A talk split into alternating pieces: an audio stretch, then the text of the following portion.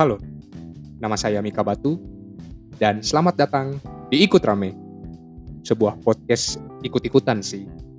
Ya, semoga konsisten lah ke depannya. Oke, mari kita mulai. Harisman Saputra Tumundu. Ya betul. Sedang bersama saya, seorang CEO, wih, em, Tinggi founder, sekali. founder, ingat kopi, satu brand minuman di kota Sorong yang mungkin eh, semua orang sudah tahu tuh. Ingat kopi itu berdiri kapan? Ingat kopi berdiri itu kalau perintisannya dari tanggal 24 April 24 April Iya. tahun 2019. 2019. Ah, Oke. Opening di tanggal 13 Mei. Aku percaya tidak kalau pertama kali brand ini muncul, saya sudah punya visi kalau brand ini akan besar. Eh, ingat kopinya akan besar. Itu dimulai dari saya punya adik. Dia Iya. pesan kopi. Dia pesan ingat kopi.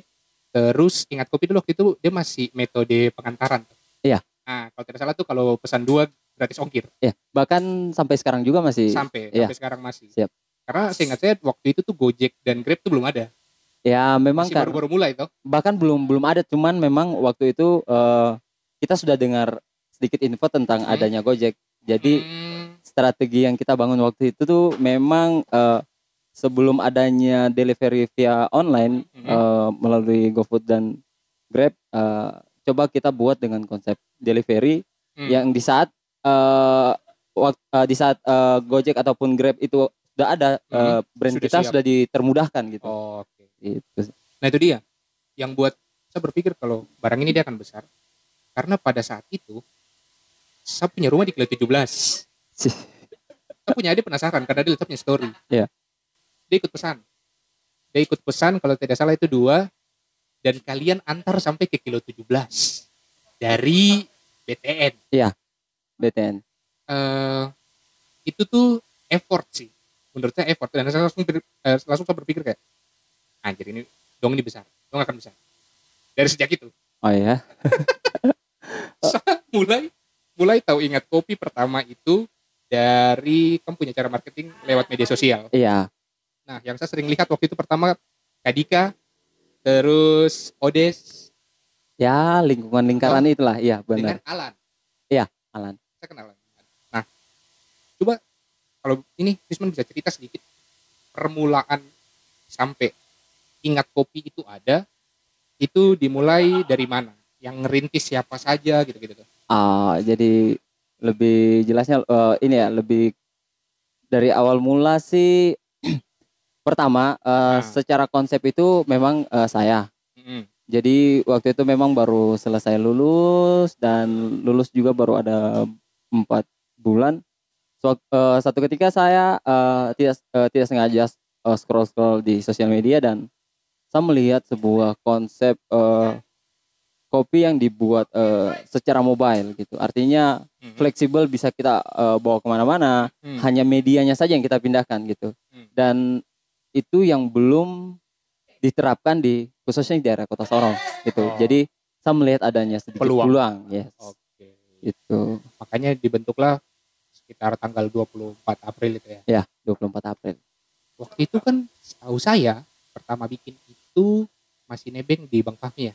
Iya, Oh, di betul. Kopi-kopi kan. Di kopi-kopi. Ah, ah. Terus, Jadi eh sebul- eh, setelah saya melihat konsep itu saya coba eh, share sharing dengan teman-teman di lingkarannya saya juga yang beberapa memang mereka mau dibilang sudah paham tentang dunia ekonomi, eh, dunia bisnis dan segala macam. ah, Karena basically memang saya ini eh, orang teknik, bahkan Ya. saya tidak tahu tuh marketing itu seperti apa dan segala macam. Oke oke. Akhirnya saya coba sharing ke teman-teman tentang konsepnya saya dan teman saya juga dia yang bilang gini, "Eh, coba kamu kan terkendala waktu itu tuh eh, budget ya, Oke. bahkan kita mulai main dengan budget minim betul.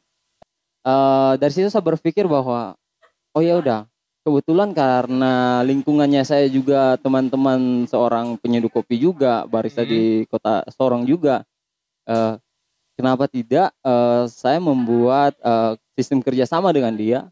Eh, jadi saya minjam alatnya tapi kita ada nilai bisnisnya juga dalam penjualan itu gitu. Sekalipun saya nebeng di dia gitu. Oke. Berarti bukan bermula dari karena aku suka kopi. kalau masalah kopi itu bahkan saya jujur ya bang em, kelas SD kelas 5 lah itu itu kalau abang mungkin sering kayak gitu dulu saya kecil kelas dari kelas 5 itu sudah kalau mau keluar itu Minum kopi dulu. bukan Apa? karena memang lingkungan orang tua juga ngopi ibu juga nenek juga Hah? itu kadang kalau kita mau minum kopi juga dilarang gitu jadi akhirnya itu karena karena sering dilarang itu kopi senang sama gula itu kita coba bungkus dalam plastik kantong bawa lari keluar Seduh di luar. tidak diseduh bahkan cuma dinikmati begitu Nikmati bubuk. nikmati bubuk Itu cara cara menikmati kopi bagaimana? Kenapa cuma bubuk karena kopi eh, gula? ya jadi memang dari sudah dari kecil juga sih memang sudah terbiasa dengan suka kopi Hah? bahkan dulu di kota Sorong belum ramainya dengan dunia kopi kita SMA itu sudah nongkrong di waro- warkop Anda Ah, angkring memang sudah memang terbiasa pulang sekolah juga wajib ngopi bahkan Hmm. bolos dulu keluarnya ngopi jadi Hmm. memang sudah terbentuk itu dari suka ngopinya dari memang dari kecil bahkan sampai sekolah sampai sekarang gitu Berarti bisa dibilang kok tidak terlalu jauh juga sebenarnya dari kopi. iya enggak Masih masih lah dal- masih dalam punya- lingkarannya Iya. Nah, kenapa ingat kopi namanya? Eh dari sekian banyak pilihan nama nih. Iya. eh, tiba-tiba dapat ingat kopi. Saya pernah buat story. Waktu itu saya habis minum ingat kopi terus saya kepikiran kayak anjir ini nama filosofis. Dia punya tujuan. Kok bisa dong kepikiran? iya iya Itu tuh. Nah, itu itu kenapa? Kenapa namanya ingat kopi? Jadi eh, karena sebelum saya membuat brand itu memang saya sudah coba eh, saya- yang kembali lagi kayak tadi ya saya ngobrol sama teman-teman dan teman ada jadi ada satu orang eh bukan satu orang ada beberapa orang yang jadi saya punya mentor secara personal gitu. Oke. Dia bilang saya begini, kau paham tidak? KFC itu Hmm. Kok bilang anak kecil yang tidak belum sekolah juga toh masih TK Hmm. itu kau bilang aja dong pergi makan KFC don tahu itu tempat makan ayam sekalipun Hmm. dia tidak bisa bilang KFC Oke. artinya apa nama itu bukan hanya sekedar keren-kerenan gaul-gaulan mau pakai bahasa Inggris lah Hmm, hmm. intinya dari nama itu itu eh, mudah diserap Hmm. mudah dihafalkan bahkan dari anak kecil belia sampai pun orang dewasa yang tidak tahu membaca dan menulis bisa gitu. Hmm. Jadi ceritanya eh, ingat kopi itu pertama kita dua orang. Saya dengan partner saya. Siapa tuh? eh, Alan. Oke. Eh, jadi saya yang, eh, ngobrol ke dia saya bilang kalian mau tidak? Saya yang tawarkan kalian mau tidak? Saya ada konsep begini nih. Keren nih. Ini kalau dibuat gini gini gini gini gini keren nih. Se- sebenarnya Alan itu orang ketiga yang saya ajak. Oke. pertama itu ada teman nama Saril. Hmm. eh, dia mungkin kurang tertarik. Akhirnya saya ngobrol sama saya punya salah satu sahabat cuman dia tinggal di daerah Katapuk. Mungkin Ah, karena dia kurang bisa berinteraksi dengan orang banyak akhirnya dia nggak bisa juga. Oke. dan terakhir saya ngobrol sampaikan ke Alan. Berarti akhirnya Alan dia menerima sudah kita patung-patungan kita pikirkan konsepnya karena memang kebetulan dengan sharing dengan teman dia bilang sudah kalian buat eh, nama yang sesimpel mungkin akhirnya jadi kita coba memaksa memaksa memaksa mengingat nama dan langsung tercetus dari kita berdua. Kenapa tidak kita pakai ingat kopi? Ah, terus? Oh iya sudah. Oke langsung kita kunci udah nama itu. Ah, secara mudah dihafal mudah diingat dan mudah diresap. Oke. Sesimpel itu. sesimpel itu. Dengan konteksnya ya itu kembali yang tadi dengan yang eh, sharing dengan teman. Ah, itu sih. Oke. Dari situlah cikal bakal ingat kopi itu muncul. Iya. Tapi tadi kok ada sih soal Alan. yes yes Sama-sama dengan Alan tuh. iya ya Terus kenapa sekarang sudah tidak? Eh, ini bisa dibuka-buka ya kita buka-bukan secara garis besar aja ya Oke. artinya da- memang tidak bisa dipungkiri bahwa di saat satu usaha dengan dua kepala eh, kita untuk menyatukan pendapat dan sebenarnya bisa Hmm. sebenarnya bisa kalau kita dibicarakan dengan baik-baik dan segala macam tapi kalau kita kembali ke secara pribadi masing-masing mungkin di satu sisi ada yang belum bisa atau belum dewasa lah atau belum bisa menerima gitu. Berarti berbeda pendapat lah ya gitu. Hmm. Berarti gara-gara alasan itu makanya sudah tidak sama-sama lagi untuk Ya menjalankan dan kita juga eh, hari itu kita bicarakan baik-baik juga dan memang eh, teman yang sebelum itu Alandia yang mengundurkan diri gitu dari Ingat Kopi. Oh, oke. Tapi sampai sekarang masih aman-aman ya. Aman, terjalin baik. Saya pernah lihat eh bukan lihat, iya nonton lah. Salah satu punya konten waktu itu kalau salah di YouTube. Lo gue. Oh, iya di channelnya teman. Iya. Itu aku bilang bahwa slogannya ingat kopi itu we serve coffee to your face. Iya, iya, iya. Masih samakah atau habis sekarang saya sudah baca sering lihat di ininya apa ingat kopi sudah mulai tumbuh tetap tumbuh dan berkembang nih.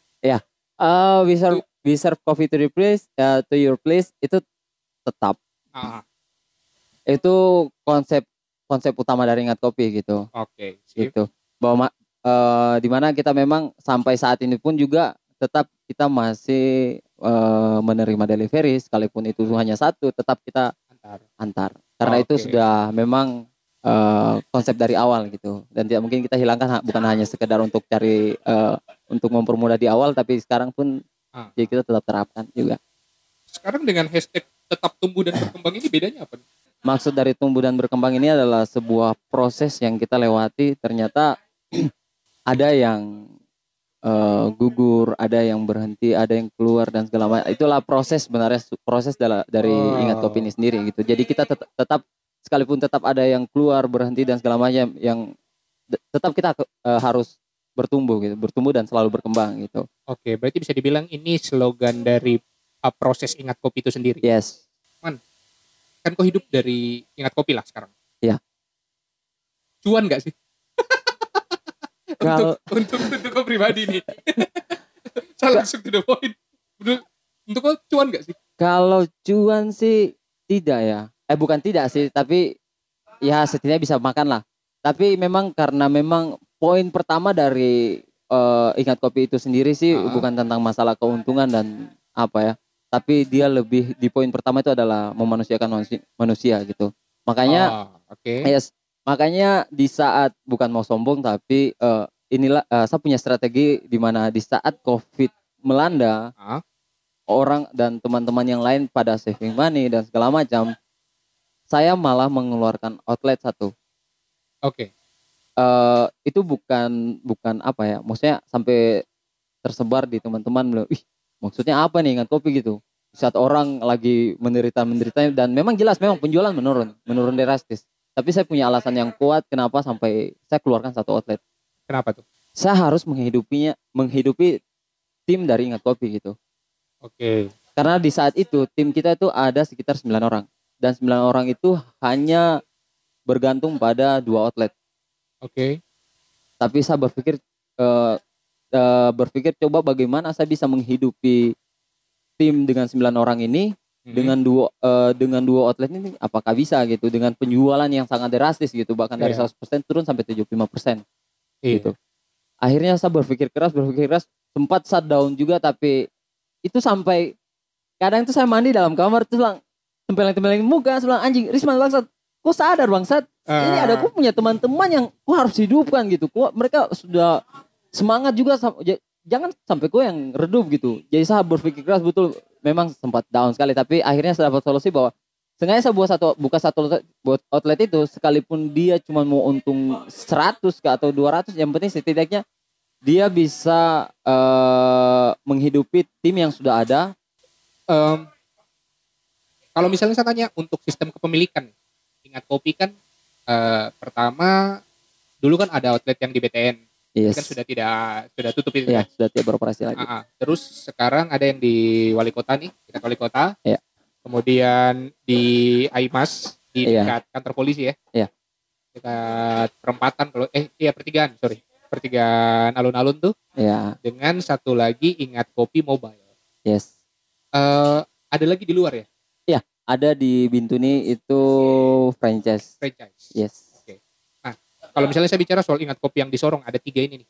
Ini untuk sistem kepemilikannya ini gimana? Memang berarti kok yang atur semuanya? Iya. Atau ada tim lagi kah? Atau ada investor begitu tidak? untuk saat ini Ah, tidak ada sama sekali investor dan memang saya yang handle semua sih untuk saat ini. Masih Jadi masih kok yang berperan berperan utama lah Iya untuk, sih. untuk Jadi- semua ingat jadi untuk ingat kopi yang sebenarnya kalau mereka mau kasih ru- runtuh ingat kopi cuma serang satu aja, matikan saya saja. eh udah itu kelar itu, kelar semua itu. Iya. Nah, tujuan ingat kopi itu sendiri apa sih? Kita punya misi yang besar sebenarnya. Mm-mm.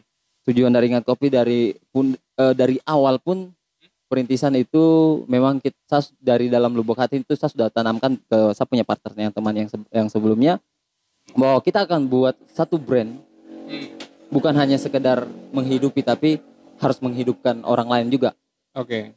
dengan konsep yang besar gitu. Maksudnya kita harus punya tujuan, punya visi gitu. Kalau Hmm. hanya sekedar buka usaha, buka tutup, dapat keuntungan ya sudah. Hmm. Artinya kan kita tidak akan bisa berkembang lagi gitu. Hmm. Jadi kita harus punya tujuan atau visi yang jelas gitu. Hmm. Jadi di saat di mana kita down, di situlah yang akan menjadi penyemangat untuk kita.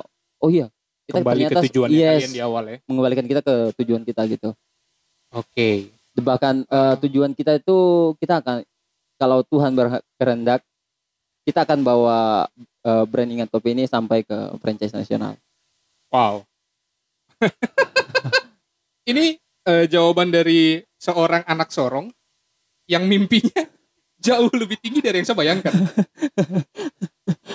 Bayangkan ingat kopi di Sorong harus survive bertahan melawan produk-produk kapitalis lainnya lah. Kita semua sama-sama tahu bahwa eh, bisnis es kopi sangat menjalar dari Iya. dari tahun 2019 tuh wih, gila-gilanya tuh Dah. bisnis. Kalau coffee shop memang sudah banyak, Sudah tapi banyak. kalau untuk es kopi es kopi Yes. kan minuman-minuman itu memang baru mulai itu di 2019 dan di antara brand-brand kapitalis lainnya di situ kok berani untuk memunculkan ingat kopi Yes. dan lebih amazingnya lagi adalah kok punya tujuan sangat sangat sangat apa Di ya? luar kapasitas. di luar semuanya ekspektasi sih karena saya pribadi adalah orang yang ya namanya buat usaha incarnya cuan cuy iya sih. kasih kaya diri iya betul betul. di sini kok punya tujuan beda gitu dan luar biasa sih bagus Makanya Nah. makanya juga eh, saya sering eh, sesama kita brand lokal juga tuh saya share gitu, sharing gitu bilang maksudnya biarpun dia sejenis gitu, bahkan sejenis kopi ataupun brand lokal, saya tetap bilang saling support saya bilang gini, eh, mari gitu, tidak perlu kita harus eh, ragu, takut dan segala bahwa mari kita busungkan dada sama-sama gitu, mari Ah. kita bersatu gitu. ah Sudah saatnya bukan bukan bukan berarti adanya franchise-franchise besar kita brand-brand lokal tuh mati dan segala macam. Kita harus berani bersaing gitu secara Iya. strategis, inovasi dan segala ah, macam gitu. ah. Terus bahkan beberapa kali yang kita buat konsep collab di Kota Sorong iya iya iya dan saya rasa mungkin baru beberapa brand aja yang melakukan collab. ah ah itu itu itu merupakan hal yang baru sih di Sorong Yes. yang kalian buat collab collab collab gitu antara brand-brand lokal Iya. walaupun tidak harus kopi ya Yes. kemarin yang tersalah terakhir Pacemas dengan Ingat Kopi ya Yang pertama dengan Pacemas, Pacemas ingat kopi Pacemas, yang Barber ke- kan? Iya, Barber. Yang kedua itu dengan Senja. ya kopi Yes, wah sama-sama kopi bahkan ya sama kopi. tapi saling baku dukung Yes, dan situlah Jago. memang tujuannya kita gitu. Ah. kenapa tidak bisa disatukan dengan kopi gitu ya Iya. Karena kopi tidak mau dipermasalahkan juga gitu. Iya. Nah, saya pernah, eh, saya sudah lihat sebelumnya di eh, apa YouTube yang channel YouTube itu dialog gue itu. Iya. Eh, di situ waktu itu kau bilang pas dia soal dia tanya pasar dan kau bilang di situ pasarnya itu untuk gender. Yes. Kau cukup kaget karena eh, peminat perempuan jauh lebih banyak. Kalau tidak salah waktu itu bilang 50 berapa persen dibanding laki-laki yang 40 sekian persen. Iya. Eh, itu parameternya kau lihat waktu dari Instagram. Yes. Tapi kan itu tahun berapa ya? Eh, eh, itu apa? 2019 juga. kalau misalnya 2021 nih. 2021 Tren untuk pasarnya brand Ingat Kopi. pasar ingat kopi sendiri masih kalau secara data di sosial media Ah. pengunjung eh, ingat kopi itu wanita gitu. Oh iya. Yes. 54 persen lah. Kalau misalnya saya tanya range umur, Range umur itu di, taruh lagi nih lah anak-anak eh, sesuai dengan punya tingkat pendidikan lah. dari SMA sampai paling tua itu sekitar ya 40 sampai 45 lah. Ah, oke. Tapi kebanyakan anak-anak SMA kuliah ya. Nah? Iya. Lebih dominannya SMA sama kuliah. Nah, karena memang jiwa-jiwa nongkrong ya. Jiwa nongkrong, jiwa sosial medianya. Man, ingat kopi sekarang kan bisa dibilang su- istilahnya perkembangannya sangat pesat. Bisa Iya. dibilang pesat ya. eh sudah punya tiga outlet. Salah satunya itu yang mobile. Dulu pertama kali bikin Iya. yang masih nebeng di Teman. Bang Fahmi itu. Iya. Pernah punya bayangan ingat kopi akan jadi seperti ini tidak sih? Kalau secara bayangan tidak ada sih. Tidak Tidak tidak ada. Hanya sebuah impian, tapi bukan bagaimana konteksnya? Saya belum punya pandangan, Hah? tapi saya punya impian gitu. Oke, impiannya itu seperti apa?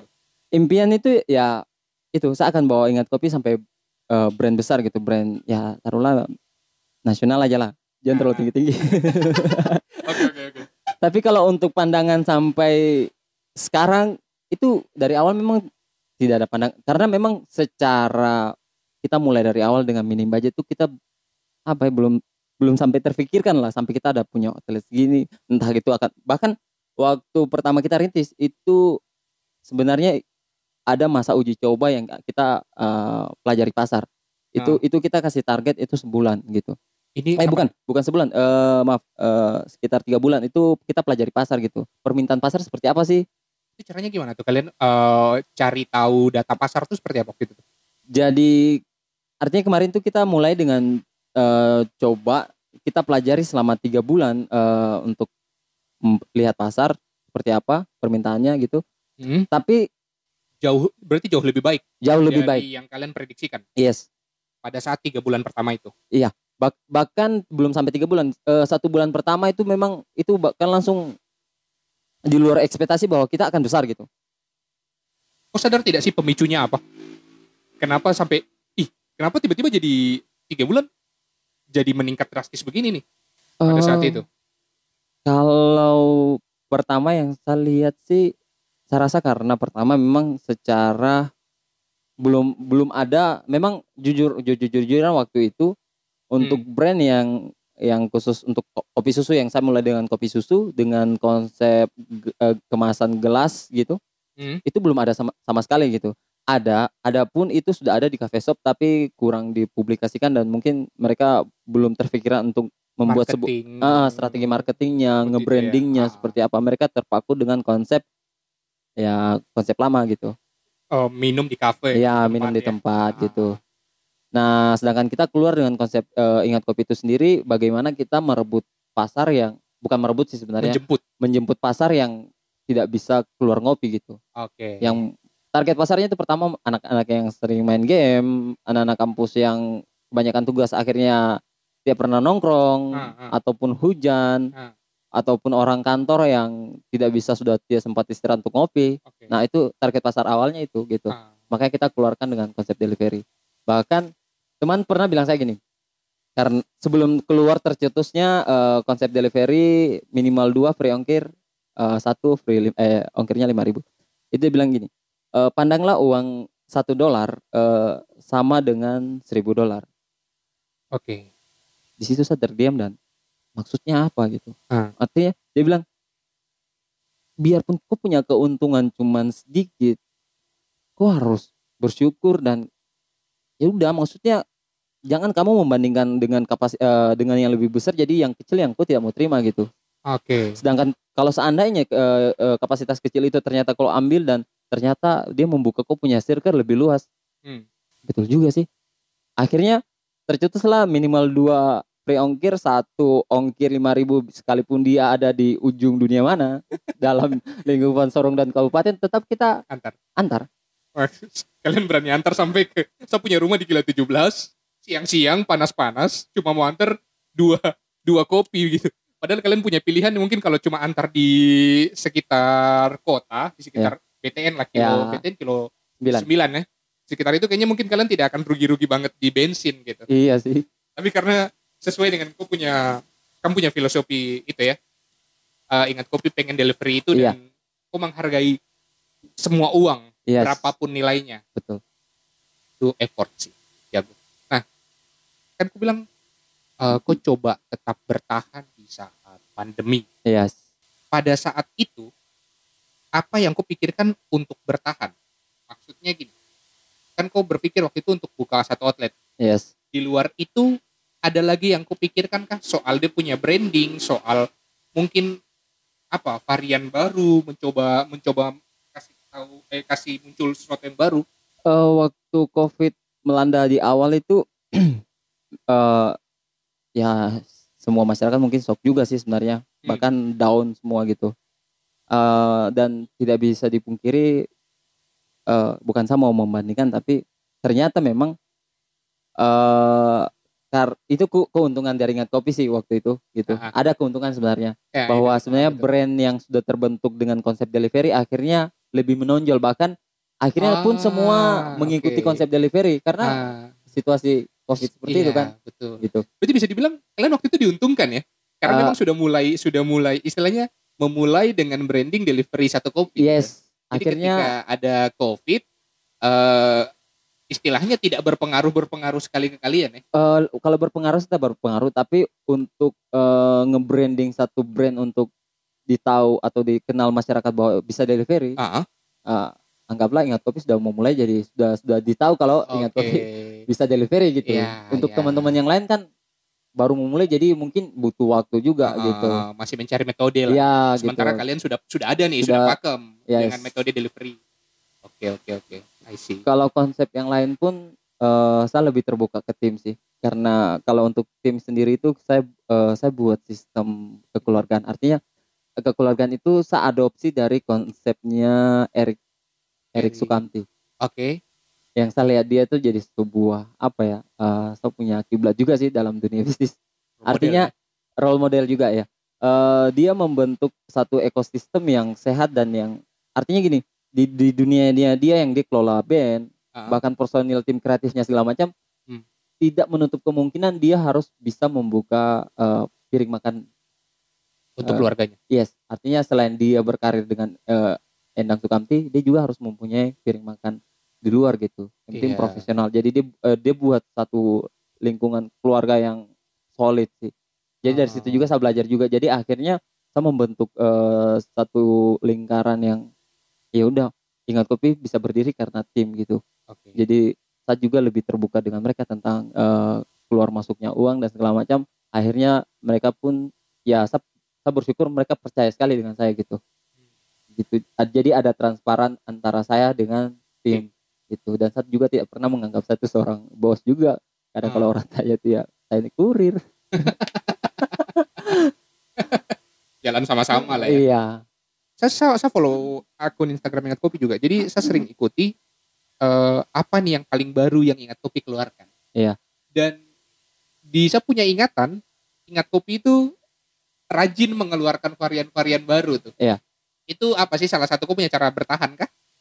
Eh sebenarnya saya gini bang Nah. Jadi saya tuh mengambil beberapa role model konsep-konsep franchise nasional untuk jadi saya punya acuan gitu. Oke. Artinya saya pelajari, saya pelajari mereka punya sistem sekalipun saya bukan di dalam sistemnya mereka gitu. Secara tampil atau secara luar aja, luar kita pelajari gitu. Ko- konsep yang sudah ada ada, yang sudah ada yang brand-brand besar dengan dia punya konteks. Eh, maksudnya mereka keluarkan eh, menu baru itu apa? Maksudnya seperti apa? Jadi saya analisis terus sih. Bahkan saya tuh setiap hari tuh eh, evaluasi Oke. gitu evaluasi dari pendapatan strategi dan segala macam jadi mau bilang kalau apa libur kayaknya tidak libur sih bahkan kita buang air juga bekerja kayaknya dalam otak ini Iya. iya. Ih, Brand-brand luar itu yang franchise itu mereka itu sudah sudah sudah punya sistem. yes Jadi ketika mereka membuat franchise, mereka pasti kasih tahu nih sistemnya seperti ini. Iya. Pemasukannya seperti ini, nanti keluar modal seperti ini. Kira-kira eh, omsetmu dan keuntunganmu bisa diukur dengan cara seperti ini. Iya. Ada pembukuannya lah. Iya. Ingat kopi kan kau mulai sendiri. Iya. Kau seorang seorang sarjana teknik bahkan teknik elektro. Pembukuannya gimana tuh? Kau bikin sendiri kah? Atau kau minta tolong orang kah? Atau gimana? kalau dari awal ya pembukuan manual sih Kita catat-catat bahkan masih kacau dan segala macam cuman ada satu eh, apa ya mau dibilang satu jadi gini eh, saya percaya bahwa eh, proses itu apalagi saya yang basicnya seorang teknik masuk ke dunia bisnis Ah. ya akhirnya sistemnya saya tuh terbentuk karena terbentur Terbentuk karena terbentur. Ya. Oke itu bagaimana jadi kayak menarik nih. jadi di saat saya mendapatkan sebuah permasalahan Ah. di situlah saya analisis saya, saya pelajari dan oh ternyata saya harus seperti ini ya Oke. gitu Jadi eh kau belajar istilahnya kau belajar nih mengikuti proses. Iya. Itu kau upgrade kau punya diri tiap hari kah? Jadi karena kan saya selalu penasaran nih. Iya. Saya pribadi tuh anak teknik kadang kurang mengerti soal marketing, Iya. soal bagaimana pembukuan yang baik dan benar Eh, begitu. Dan saya lihat kok kok jalan itu sendiri itu. Itu kok belajar kah atau bagaimana? kalau belajar sih tidak cuman eh, jadi eh, mungkin teman-teman untuk siapa pun yang akan dengar juga ini eh, kita hanya sekedar sharing dan segala macam Ah. manfaatkan eh, sosial media kalian dengan baik gitu artinya Ah. saya pun sendiri seperti itu yang saya terapkan jadi di saat saya santai ataupun lagi main sosial media eh, tentang dunia bisnis apa pun Aha. ataupun eh, meme-meme tentang dunia bisnis itu yang selalu saya lihat saya, saya lihat Oh. strateginya apa yang mereka buat Ah. dan kalau mau bilang nih saya punya Instagram ini terlalu banyak file yang saya simpan gitu jadi Ah, dari oke. situlah saya belajar jadi itu yang saya kembali bang eh, saya evaluasi per, per hari per hari gitu oke. setiap saya menggunakan sosial media saya manfaatkan betul gitu oh ternyata strategi ini bagus nih kenapa harus seperti ini Eh, dampaknya seperti apa oh kayaknya betul juga nih bisa nih dieksekusi nih Hmm. gitu belajar mau dibilang ya belajar otodidak Tidak, ya. otodidak Eh, ada beberapa orang yang saya jadikan saya punya mentor itu yang kadang memberikan masukan gitu saran Oh. gitu Tapi tunggu, dari 2019 April dan ini sudah mau April untuk 2021, berarti sedikit lagi ingat kopi akan dua tahun tuh. yes Dan kok masih tetap survive, bertahan, bahkan paling baru adalah membuat ingat kopi mobile. yes Kenapa sampai kepikiran buat ingat kopi mobile? Walaupun memang eh saya rasa ya, semua semua yang punya coffee shop pasti tuh punya impian buat mobile. Istilahnya punya cita-cita lah Iya, karena kayaknya asik loh. asik Kok bisa gitu. buat, kok punya tempat di mana saja ya, gitu. camping Apa yang buat kok berani sampai bikin ah mobile lah. Em, sebelumnya memang pernah sudah ada terbesit sebenarnya di otak juga. Nanti ke depannya kalaupun ingat kopi sudah stabil, sudah ada lebih, kita bolehlah adain mobil gitu. Juga eh, konsepnya juga saya sudah simpan gitu. Tapi ternyata eh ya itu saya eh, saya terbentuk karena eh, terbentuk karena eh, terbentur. Terbentur. Akhirnya saya mendapatkan mau dibilang waktu itu juga ingat kopi lagi down-downnya sih sebenarnya waktu eh, dia punya titik apa jantung pertahanan langsung diserang Eh, yang di outlet pertama di Jalan DTN itu. Oh iya iya. itu di saat itu tutup itu drop betul sih. Tapi kembali lagi masa iya kok drop gitu? Aku punya tim ada nih. Ah, masa iya kau harus drop? Kau harus aku harus me- mencari dia punya solusi gitu? Akhirnya terbesit saya mem- mempertimbangkan mempertimbangkan kenapa saya harus ambil mobil itu? Karena pertama kamu harus mempersiapkan hal terburuk terjadi. Kamu harus Oke. sudah mempersiapkan gitu oke. dan di saat BTN tutup itu memang saya tidak eh, bahkan bahkan yang BTN tutup itu saya sudah mempersiapkan termasuk yang saya launching yang di wali kota itu salah satu eh, alasannya itu jadi Oh, dengan status tempat itu kan memang kita hanya sekedar sewa Iya. gitu dan itu bukan eh, halaman yang disewakan bukan yang dibuat untuk disewakan ya ah. jadi saya berpikir sewaktu-waktu kalau seandainya si pemiliknya berubah pikiran wih kacau nih akhirnya dan itulah yang memperkuat saya akhirnya buka wali kota juga gitu Hmm. Nah, pertimbangan itu yang membuat saya akhirnya Buka yang mobile. mobile pertama secara tempat kalau kita berpikir buruk aja ini. Hmm. Kalau seandainya ingat kopi tiba-tiba beberapa outletnya tutup dan saya masih ada satu outlet yang permanen jelas itu miliknya kopi gitu. Oke. gitu. Jadi eh, bilang jurus cadangan terakhir sih. Gitu sih.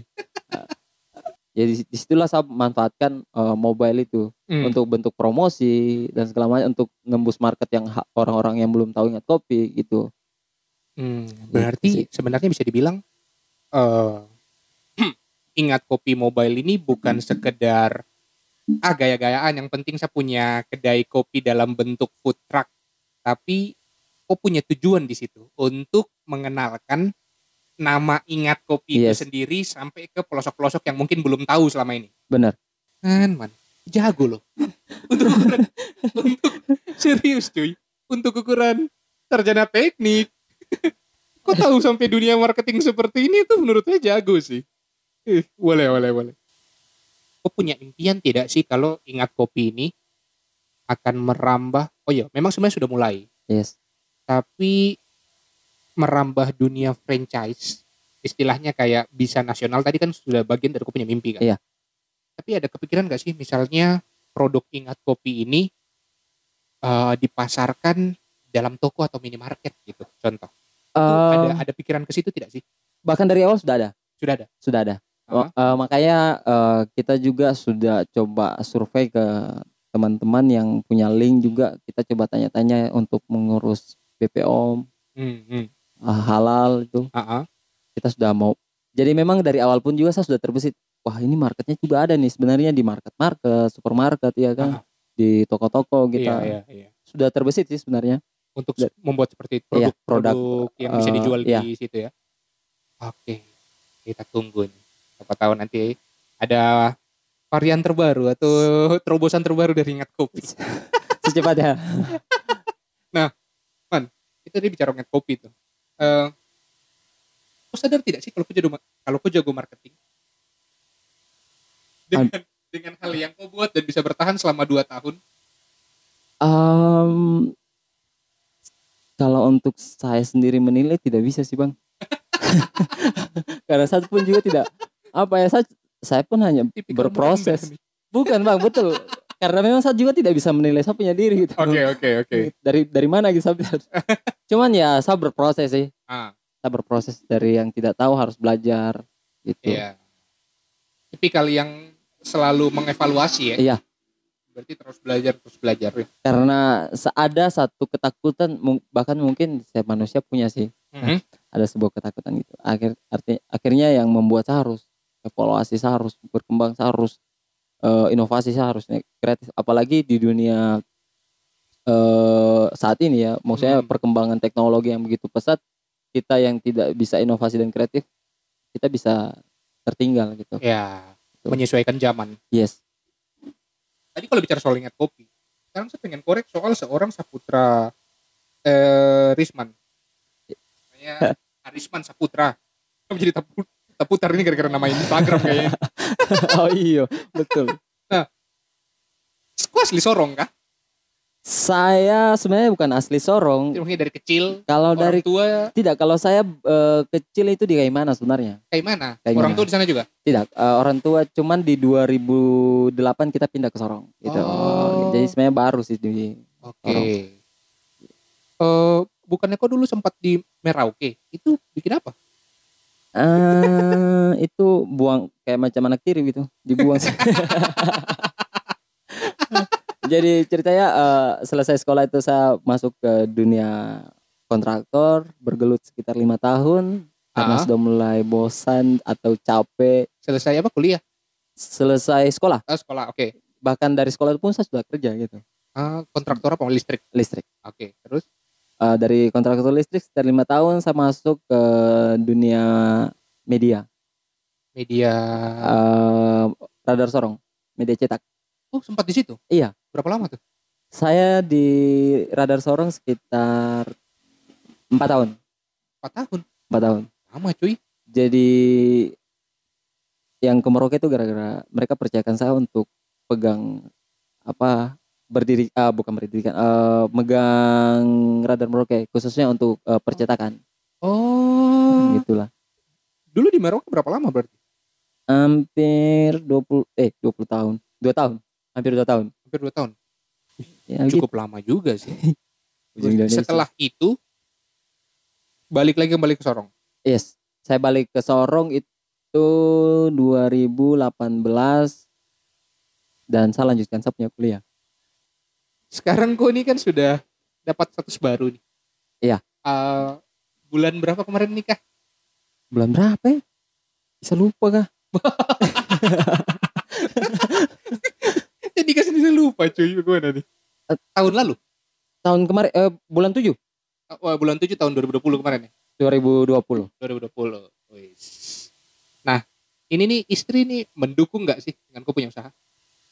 Eh kalau dukung tidak dukung ya sumber dana dari situ. Pasti dukung ya. Pasti harus. Pasti, pasti. Eh, itu kalian ketemu karena apa? Karena ingat kopi juga tidak? Ah, tidak juga sih. Oh, Eh, kalau mau dibilang sih sebenarnya kenalnya di kantor lama. di Radar. waktu di radar. oh Gitu. memang anak-anak percetakan. Cuman kalau dia di bagian wartawan, saya di percetakan. Ah, oke. Berarti ketemu dari situ. Berarti sudah jadian dari lama ya? Ah, kalau jadian sih tidak. Jadian itu di tanggal 1 Januari 2020. Hmm. Kita kenal dari 2017. Tapi jadiannya baru di Januari 2020. Iya. Kita kenal sudah ada sekitar empat tahun. Oh, oke. oke. mulai serius di eh, eh mulai menseriusi dia pas di Januari ya. Sebenarnya dari awal sudah serius sih, cuman perempuannya yang sok-sok belago, Jual-jual mahal. jual-jual mahal. Aduh. Maaf. Kalau kau dengar kau jangan marah ya. Momen yang paling tidak terlupakan saat kau merintis ingat kopi sepanjang hampir 2 tahun ini. Momen apa tuh? Momen yang enak-enak atau yang tidak enak-enak? Eh, momen ini sembarang sih. Yang pasti dia Ah. memorable. Jadi istilahnya mau momen Sebuah momen ingatan ya. atau momen yang menyenangkan pun tidak apa-apa. Yang penting yang paling memorable lah selama kau merintis nih apa nih? Ah, sebenarnya banyak sih, cuman Yang paling lah.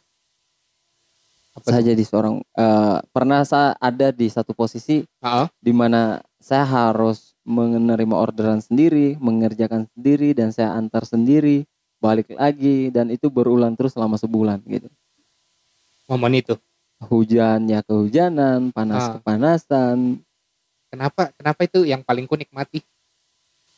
ya tiap jauh juga ya. Eh, bahkan mungkin mau dibilang itu yang betul sih yang udah bilang kalau pekerjaan dimulai dari hati sih kita apa kalau bahasa orang Jawa legowo kan Oh, senang jadi senang ya bahagia gitu Ah, ah, ah. Gitu. Karena memang ku lakuin ini juga ya memang karena aku senang begitu. Iya. Bukan karena ada ya walaupun memang pastilah ada tuntutan satu dua Iya. tapi dimulai dengan dengan emang dari hati Dari gitu. hati ya. Ya. ingat kopi kalau misalnya saya tanya dua tahun dari sekarang yes kok dengan ingat kopi akan jadi seperti apa? Dua- Ini kita bicara soal berarti sesuai dengan kau punya visi dengan kau punya impian gitu. Iya. Pasti kan ada target. pasti Yang kau harapkan dua tahun dari sekarang seorang Risman dan ingat kopinya akan seperti apa? eh eh, visi saya eh, untuk tahun ini pun sudah ada bahkan untuk dua tahun ke depan bahkan eh, saya eh, pastikan eh, ingat kopi akan mulai merambat ke luar kota Sorong gitu Luar kota Sorong. dan memang targetnya kita memang adalah bagaimana me- mencip atau atau apa ya eh, menciptakan eh, bukan mencipta menciptakan sih membuat statement ataupun mindset ya yang tertanam di eh, khususnya eh, Papua gitu Papua dan Papua Barat. Jadi memang kita targetnya memang kita mau kuasai Papua Hmm. ini sendiri. Artinya karena gini pengalamannya saya pribadi pernah kerja di di dalam produk franchise luar juga. Ah, akhirnya itu yang memotivasi saya juga gitu kenapa tidak sih kita tonjolkan yuk bahwa brand Papua pun ada gitu artinya apa Eh yang kita lihat sendiri di khususnya di Papua ataupun di kota Sorong rata-rata dan kebanyakan pun itu entah produk makanan dan minuman itu semua dari Jawa luar. gitu. Ah, oke. itu visinya saya untuk mau bawa eh, ingat kopi sampai ke luar Papua gitu Ah. dan target awalnya itu ya harus bagaimana harus kuasai Papua dulu Papua dulu gitu Hmm, Gitu sih. hmm. Papua Pride ya. yes Dan tidak lupa bahwa tujuannya tetap memanusiakan manusia. yes itu di poin awal sih gitu Iya. Iya. Memanusiakan manusia dan tetap tumbuh dan berkembang. Iya. Oke. Terima kasih Risman sudah eh, mau berbagi di saya punya konten ikut rame. siap Ya, semoga ingat kopi tetap tumbuh dan berkembang amin menjadi besar seperti apa yang kau impikan amin amin amin dan tetap kemba eh, tetap berpegang teguh pada tujuan awal eh pada visi awal Iya. yaitu ingin memanusiakan manusia. Yes, betul. Saya Mika Batu Saya Harisman Saputra. dan sampai jumpa di podcast ikut rame berikutnya. See you. Yeay.